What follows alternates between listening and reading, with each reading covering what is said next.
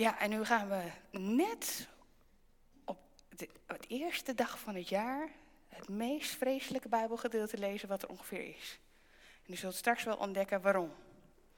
En ehm, ik wil ook eerst een uh, gedeelte uit het Oude Testament lezen, wat er heel veel mee te maken heeft, waar ook naar verwezen wordt. En dat is Jeremia, Jeremia 31. We lezen vandaag over de kindermoord. Nou, dat is afschuwelijk en dat blijft afschuwelijk. Aan het eind van de dienst zult u niet zeggen, oh, het viel wel mee. Nee, dat is een heel naar gedeelte, maar het staat er niet voor niks. En dat er toch nog troost uit te halen is, is echt een, een wonder. Jeremia 31. lezen we met elkaar. En we beginnen dan bij vers 15. En we zitten daar eigenlijk in net zo'n nare situatie. Daar zijn ook allemaal kinderen weggehaald, zou je kunnen zeggen. En ja, wat blijven daar dan achter? Verdrietige ouders. Die verscheurd zijn van verdriet. En dan zegt de, dit zegt de Heer, staat er. In Rama hoort men klagen, bitter treuren. Rachel beweent haar zonen. Zij wil niet worden getroost. Haar kinderen zijn er niet meer. Maar dit zegt de Heer. Huil niet langer, droog je tranen. Je zorg voor hen wordt nu beloond, spreekt de Heer. Ze keren terug uit het land van de vijand. Je hebt een hoopvolle toekomst. Je kinderen keren naar hun eigen land terug, spreekt de Heer. Ik heb wel gehoord hoe Ephraim treurt. U hebt mij geslagen als een jonge os die nog niet is afgericht. Breng mij bij u terug. Laat mij terugkeren. Want u, Heer, bent mijn God.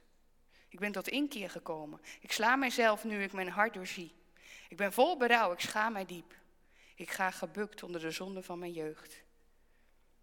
Is Ephraim niet mijn geliefde zoon? Is hij niet mijn oogappel? Telkens als ik over hem spreek, rijst zijn beeld in mij op. Dan raak ik diep bewogen. Ik moet mij over hem ontfermen, spreekt de Heer. Zet mijlpalen neer, plaats bakens.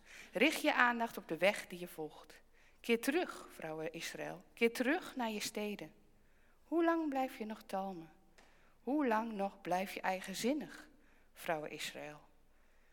De Heer zal iets nieuws scheppen op aarde. Een vrouw maakt een man het hof.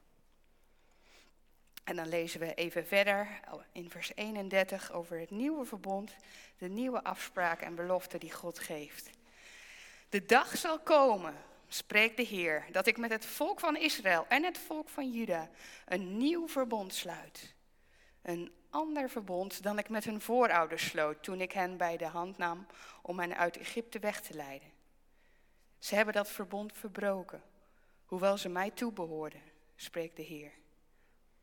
Maar dit is het verbond dat ik in de toekomst met Israël zal sluiten, spreekt de Heer. Ik zal mijn wet in hun binnenste leggen en hem in hun hart schrijven. Dan zal ik hun God zijn en zij mijn volk. Men zal elkaar niet meer hoeven te onderwijzen met de woorden: Leer de Heer kennen.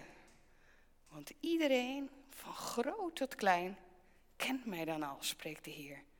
En ik zal hun zonde vergeven en nooit meer denken aan wat ze hebben misdaan. De tijd eindigt heel hoopvol. En dit gedeelte dus, wat we zojuist hebben gelezen, daar wordt naar verwezen in Matthäus 2, waar het gaat over de kindermoord. We lezen vanaf vers 13. Daar zijn de wijzen zojuist weggegaan naar hun eigen land. Nadat een engel hun gezegd had dat ze niet via Herodes hoefden te reizen. Kort nadat zij op die manier de wijk genomen hadden, verscheen er aan Jozef in een droom een engel van de Heer. En hij zei: Sta op, vlucht met het kind en zijn moeder naar Egypte. En blijf daar tot ik je weer roep. Want Herodes is naar het kind op zoek en wil het ombrengen. Jozef stond op en week nog diezelfde nacht met het kind en zijn moeder uit naar Egypte. Daar bleef hij tot de dood van Herodes. En zo ging in vervulling wat bij monden van de profeet door de Heer is gezegd. Uit Egypte heb ik mijn zoon geroepen. Toen Herodes begreep dat hij door de magiërs misleid was, werd hij verschrikkelijk kwaad. En afgaande op het tijdstip dat hij van de magiërs had gehoord, gaf hij opdracht om in Bethlehem en de wijde omgeving alle jongetjes van twee jaar en jonger om te brengen. Zo ging in vervulling wat gezegd is door de profeet Jeremia. Er klonk een stem in Rama, luid wenend en klagend. Rachel beweende haar kinderen en wilde niet worden getroost, want ze zijn er niet meer. En nadat Herodes gestorven was, verscheen er in de droom van Jozef aan Jozef in Egypte een engel van de Heer. En de engel zei: Sta op, ga met het kind en zijn moeder naar Israël. Want zij die het kind om het leven wilden brengen, zijn gestorven. Geliefde gemeente van Jezus Christus, gasten en iedereen die online met ons is verbonden. Het thema van vandaag is, en dat zal u misschien niet verrassen, wat is uw of jouw toekomstperspectief voor 2024? Misschien hebt u er nog niet over nagedacht, maar vast een deze dagen zult u wel nadenken over wat het jaar zal brengen, of wat u verwacht dat het jaar zal brengen. En iedereen heeft denk ik zijn eigen verlangens, maar iedereen neemt ook zijn eigen verleden mee. Wat denk ik ook heel bepalend is voor hoe je naar de toekomst kijkt. We zijn nog maar heel net een jaar binnengegaan. En als u vandaag het nieuws al hebt gekeken, dan zult u wel gezien hebben dat er nog weinig is veranderd vergeleken met 2023. Als ik bijvoorbeeld een paar kopjes even mag noemen, dan is het uh, ja, eigenlijk vooral weer heel naar nieuws. Een kind van twee dat zwaar gewond is na een brand in Den Bosch. Een ouderwetse horrornacht in het oogziekenhuis. En hoeveel kinderen zullen daarbij geweest zijn? Rusland en Oekraïne die elkaar weer beschuldigen van aanvallen tijdens een nieuwjaarsnacht. Waar waarschijnlijk ook weer kinderen de dupe van zijn geweest. En Israël haalt een deel van de reservisten terug omdat de oorlog nog lang niet is afgelopen. En dan beginnen we 2024. Misschien konden we tijdens kerst even de sores achter ons laten. even denken aan dat kind in de kribbe. Het was misschien even vrede op aarde. Maar het nieuws laat zien dat dat in geen geval nog zo is. In 2024 zijn er nog genoeg vrede tirannen in de wereld, zou je kunnen zeggen. En hoeveel moeders en ook kinderen zullen er in 2023 alweer gehuild hebben? In het verhaal dat we gelezen hebben in Matthäus is het vlak na kerst ook gewoon oorlog, lijkt het wel. er is een machthebber bang en kinderen zijn de dupe. De tijd van Jezus' geboorte kenmerkte zich vooral door problemen, spanning, geweld en angst in de wereld. Niet zo heel veel anders, denk ik, dan nu. we zien in dat kerstverhaal, vlak na het kerstverhaal, een dakloze vluchteling, nog geen twee jaar oud, met een prijs op zijn hoofd. En dan het andere verhaal van Jeremia, waar ook de geschiedenis zich lijkt te herhalen. En er was een poosje geleden wat meer aandacht voor dan nu, maar het lijkt wel alsof de situatie Oekraïne-Rusland, alsof dat bijna hetzelfde is als wat er in Jeremia gebeurt. Daar wil ik een klein stukje even kijken uit een uh, stukje van het journaal. Het zijn twee geknipte stukjes, dus ze passen niet precies op elkaar, maar dat, u zult het idee wel begrijpen. Nikita,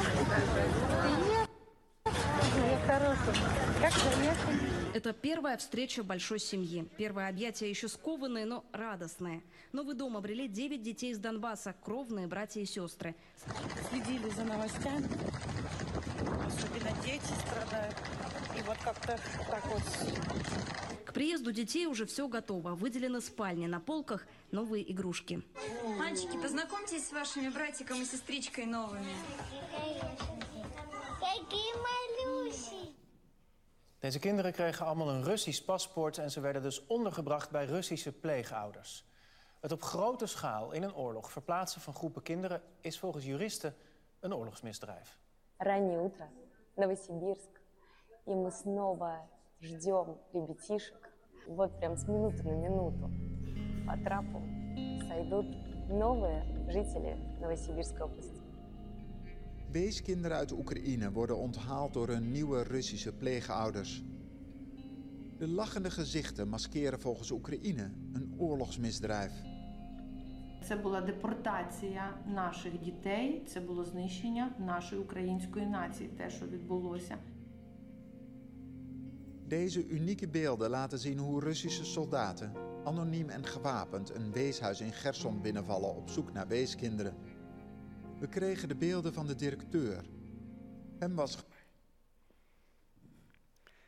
En om niet de hele film te gaan kijken, want dan gaat het te lang duren, nog even een klein stukje aan het eind.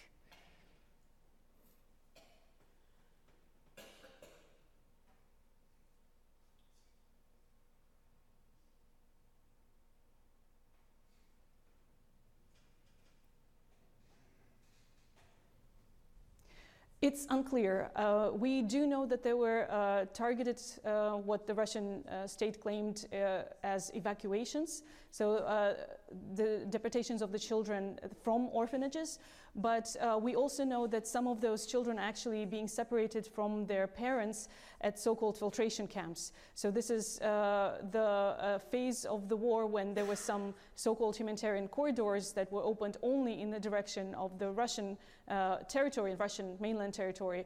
And this is where um, Ukrainian citizens were screened for their affiliation with the uh, armed forces or um, any kind of state affiliation. So in those cases, we, we do know there are several reports of children being separated from the parents who were suspected of being loyal to the Ukrainian state, for instance. And uh, those children also end up um, either in some kind of uh, temporary locations uh, for children in uh, Russia or with foster parents or even adopted as well.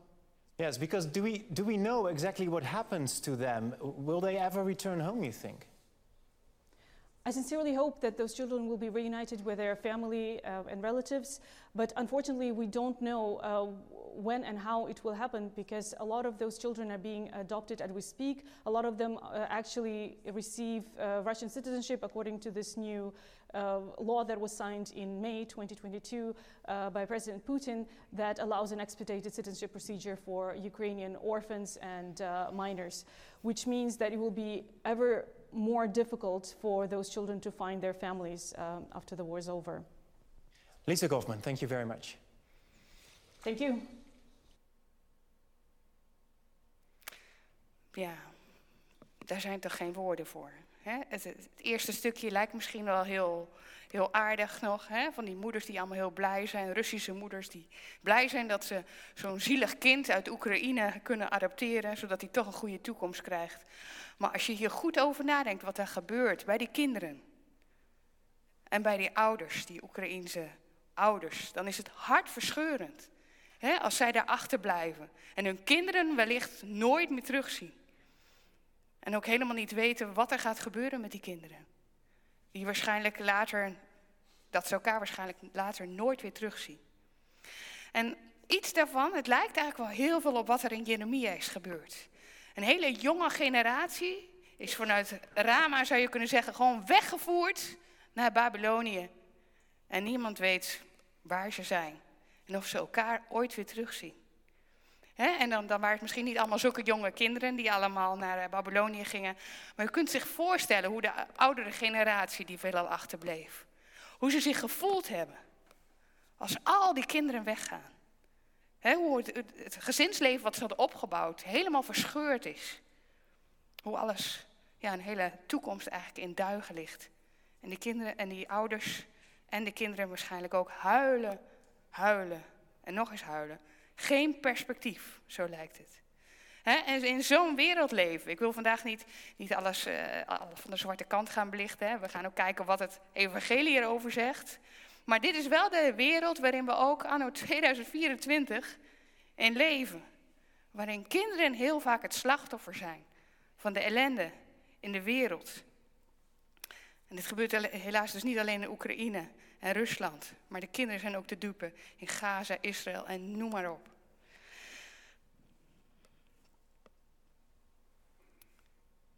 En als je dus aan deze ouders zou vragen, wat is uw toekomstperspectief voor 2024? Dan komt er denk ik niet zozeer een antwoord, maar vooral veel emotie naar boven. Omdat mensen zich wanhopig voelen en leeg en kapot. En misschien maakt u niet hetzelfde mee. Misschien heeft u geen kind verloren. Het kan ook zijn dat het wel zo is. Hè? Dat, dat, ja, dat kan ook. Het leven is heel gebroken. Maar misschien heeft u niet zoiets ergs meegemaakt dat u uw kind moet missen. Of dat u helemaal afgezonderd was van uw ouders. Maar misschien herkent u wel iets van de pijn of het gemis van hoe fijn het vroeger samen als gezin was. Dat u, misschien bent u een verdrietige ouder, die merkt dat er afstand is gekomen tussen u en uw kind. En dat kan door allerlei redenen zijn. Dat kan door ruzie komen of gewoon dat je elkaar gewoon uit het oog verloren bent, omdat die ander zijn eigen weg ging. Of omdat u op geloofsvlak het idee hebt dat u totaal uw kind bent verloren, omdat hij een, of zij een hele andere weg ging. ook dan kan het verdriet groot zijn, alsof je je kind bent verloren. En misschien bent u niet die verdrietige ouder, maar meer dat verdrietige kind. Omdat u uw ouders moest missen door de dood. Of misschien bent u op een andere manier verdrietig. Heeft u heimwee naar die tijd van vroeger? Heimwee naar die kindertijd, waarin het nog normaal was om als gezin elke zondag gewoon in de kerk te zijn. Of misschien mist u God. Om gewoon kind te mogen zijn bij God. Dan voelt u zich meer wees omdat er zo'n afstand lijkt tussen u en God. Het kan zijn dat het geloof vervaagd is. En dat u helemaal niet meer zo thuis bent bij God als dat u vroeger was. Toen het zo makkelijk was om kinderlijk te geloven. En het kan zomaar zijn dat we, of we dat nou bewust hebben gedaan of onbewust, dat we het gevoel hebben dat we bij God zijn weggedreven. Dat er een afstand is gekomen tussen God onze Vader en wij zelf. Dat er niet meer die, die nauwe verbondenheid is zoals het vroeger was. Dat zo'n veiligheid gaf en zo'n rust. Misschien bent u net in een fase waarin het geloof u allemaal wat minder zegt. En ook dan kunnen dezelfde soort gevoelens naar boven komen als waar die ouders doorheen gaan. Misschien wel in wat eh, minder heftige mate. Maar als, als u het gevoel hebt dat u niet meer thuis bent bij God, uw schepper, uw vader, dan kan er in uw hart een gevoel van heimwee of verlangen ontstaan. Want wat we allemaal ook op aarde verzamelen, waar we ook voor gaan in 2024, als we niet thuis zijn bij God, dan zal er altijd van binnen iets klagen. Omdat we gemaakt zijn om bij God thuis te zijn.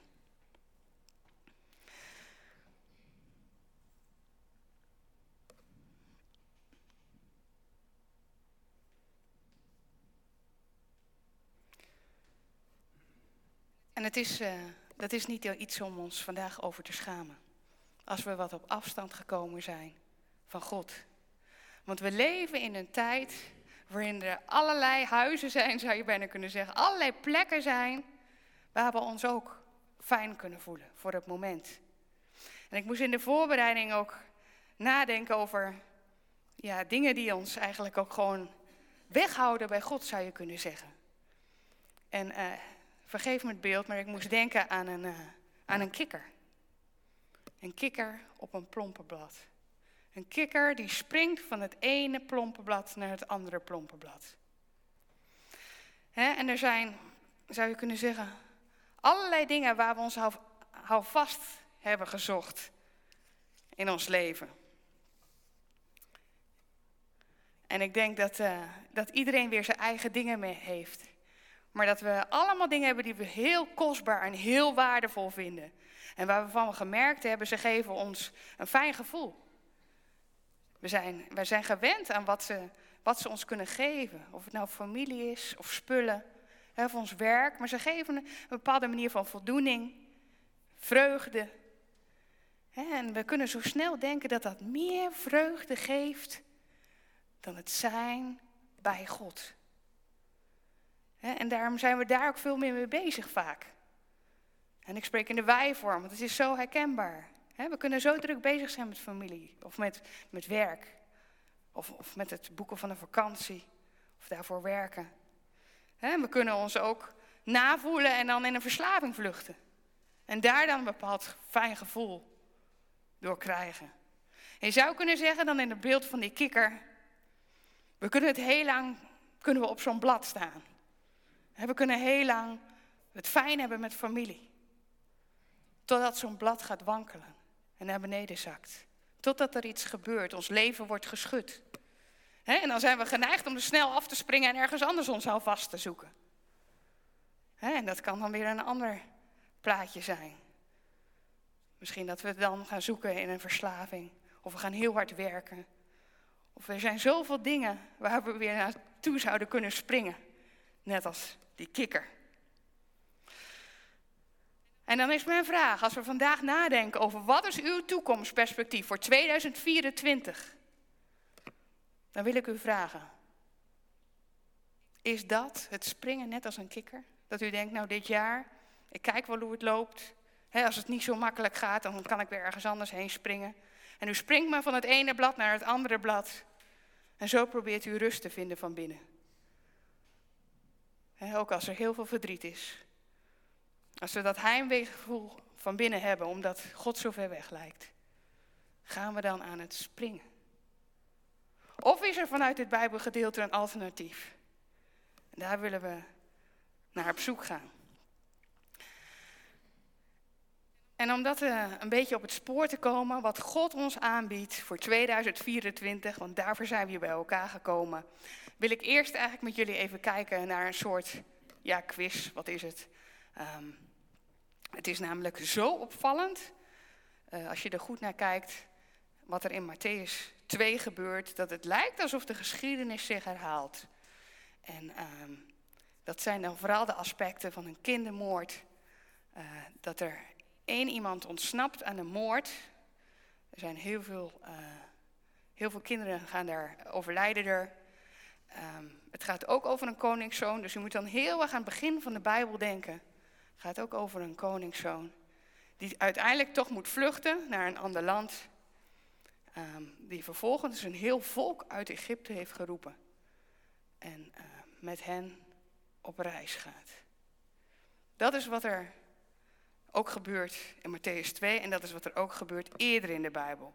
En je mag best hardop praten. Is er iemand die zegt van ja, maar dat doet me echt denken aan die en die gebeurtenis in de Bijbel. Mozes. Mozes. Het is, het, is, er zijn te veel overeenkomsten, zou ik zeggen, om het toevallig te laten zijn. Matthäus die schreeuwt het bijna uit. het gaat hier weer over een nieuwe Mozes. Want in het Oude Testament ging het over een volk wat in Egypte terecht was gekomen, Gods volk, Israël. En waar de, de leiders daar waren bang geworden voor het volk, probeerden hen uit te roeien. net zoals ze in Matthäus proberen eh, de kinderen onder twee jaar uit te roeien, omdat ze bang waren voor een uh, nieuwe machthebber. En uiteindelijk, Mozes werd gered. Net als Jezus net werd gered. En uh, uiteindelijk moest uh, Mozes vluchten. Weliswaar door een fout die hij had gemaakt. Maar moest Jezus ook op de vlucht, omdat anders hij niet zou blijven leven. En uiteindelijk met Mozes de leider, die zijn volk uit Egypte haalde en naar het beloofde land Israël bracht. En je zou kunnen zeggen, omdat er zoveel overeenkomsten zijn, wordt Jezus hier aangewezen als de nieuwe leider die zijn volk brengt naar het beloofde land. En uh, dat is goed nieuws, niet alleen voor toen, maar ook voor ons. Want kennelijk zijn we geroepen om vrij te zijn. He, wil God ons uit die slavernij halen? Wil God ons halen uit dat patroon van maar springen op al die plompe bladen? En wat wil hij dan? Wat is dan die vrijheid?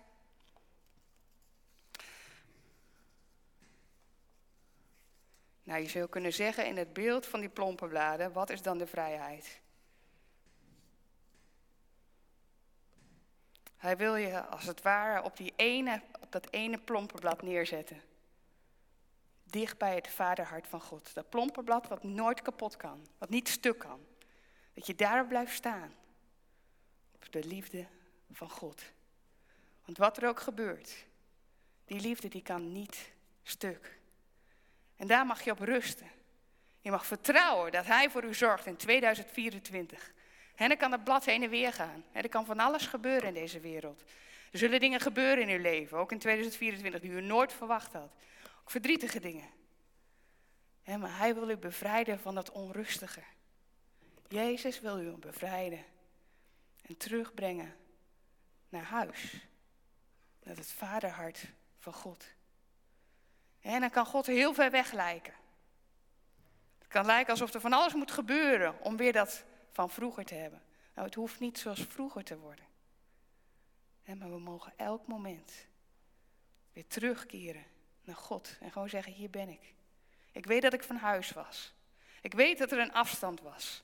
Maar ik weet ook dat ik door Jezus weer terug mag komen. Dat Jezus er alles aan heeft gedaan. Hij heeft alles betaald. Wat er aan, rommel tussen u en God in stond. En dan 2024.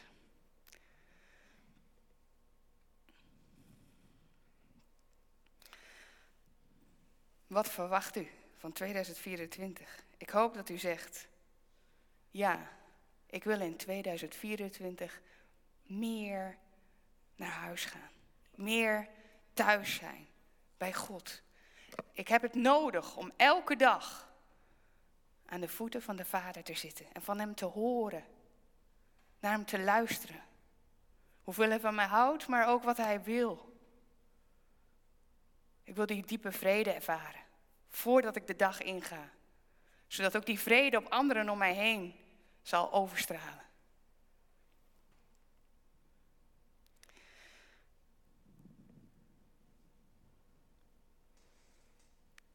Maar dat is niet de enige boodschap van dit Bijbelgedeelte. Dat God zegt, ik, haal je, ik wil je naar huis halen in 2024. Je zou kunnen zeggen, uh, er zijn zelfs wel vijf dingen die God wil zeggen om je te troosten. Nou, dan kunnen we daar niet allemaal lang bij stilstaan. Dan zouden we vijf spreken hebben. Maar behalve dat God verlangt dat u naar huis komt, dat u veel contact met hem zoekt dit jaar wil hij u ook troosten. Want hij weet dat we door dingen heen gaan. En dat dat geen, vaak geen makkelijke oplossingen voor zijn. En het mooie is dat we vanuit Matthäus en vanuit Jeremia zoveel troost kunnen putten. Want misschien hebben we het al heel vaak gehoord dat er een stem gehoord is in Rama. En dan denken we, Rama, ja, dat zal wel een plekje ergens zijn hè, in Israël. En het mooie is dat Rama ook een betekenis heeft van in de hoge. En als je dan bedenkt dat er een stem gehoord is in Rama. Een stem gehoord is in de hoge. En dat er zoveel verdrietigs was gebeurd. Dan troost het toch als je weet dat er op het moment dat, de kinderen werden vermoord. Dat er boven werd gehuild. In de hoge werd gehuild. God huilt met u mee. Als er verdrietige dingen gebeuren. Dan komt hij niet gelijk met een mooi troostpraatje. Nee, allereerst huilt hij met u mee. En daarom kom dicht bij hem, zodat u aan zijn vaderhart kunt zijn en merken dat hij ook met u meehuilt. En het tweede wat hier in dit gedeelte ook naar voren komt is in Jeremia. Dat God zegt dat hij zijn kinderen weer zal laten opstaan. En misschien herkent u dat wel, dat u soms zo verdrietig bent of de dag begint zo naar. Ze denkt, hoe kom ik er ooit nog weer bovenop? Als iemand een kind is verloren of, of een geliefde moet missen. ja, dan, dan kunnen we soms zo gewoon in een negatieve spiraal zitten. Dat alle hoop weg is. Maar toch belooft God dat Hij u zal laten opstaan. En Hij is degene die dat kan. Als Hij zelfs mensen uit de dood kan laten opstaan, zoals Hij deed bij zijn zoon. Dan kan Hij ook u en wil Hij ook u weer de kracht geven om toch weer nieuwe hoop te vervatten. En dat zal misschien niet gelijk zijn, maar dat Hij uiteindelijk u weer zal oprichten. En weer een nieuwe levensvreugde, een nieuw doel zal geven.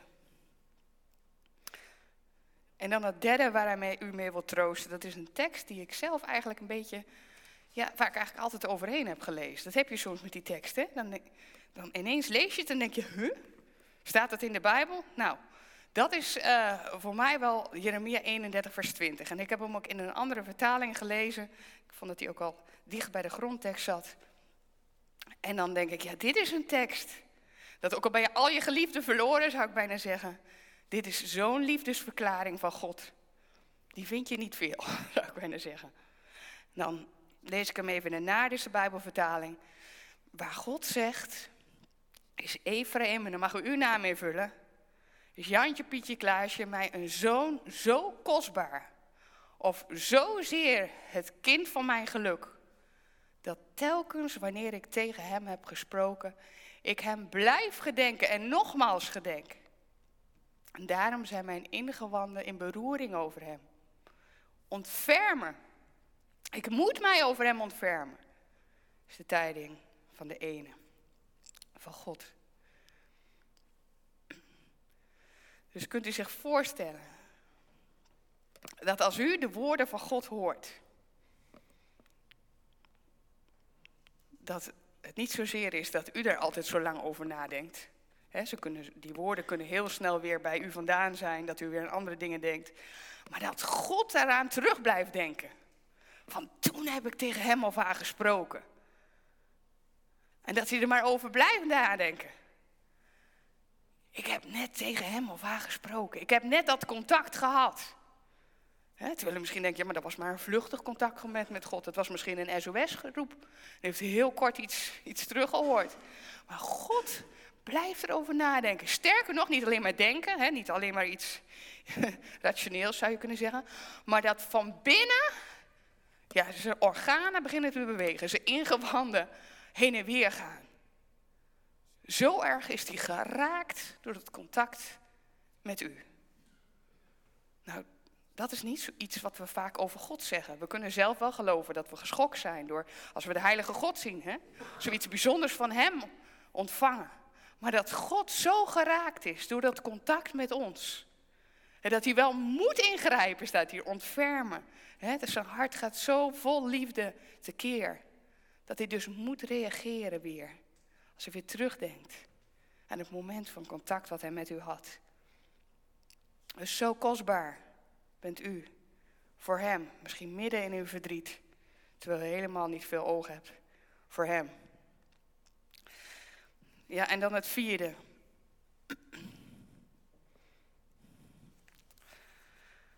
God verandert je hart.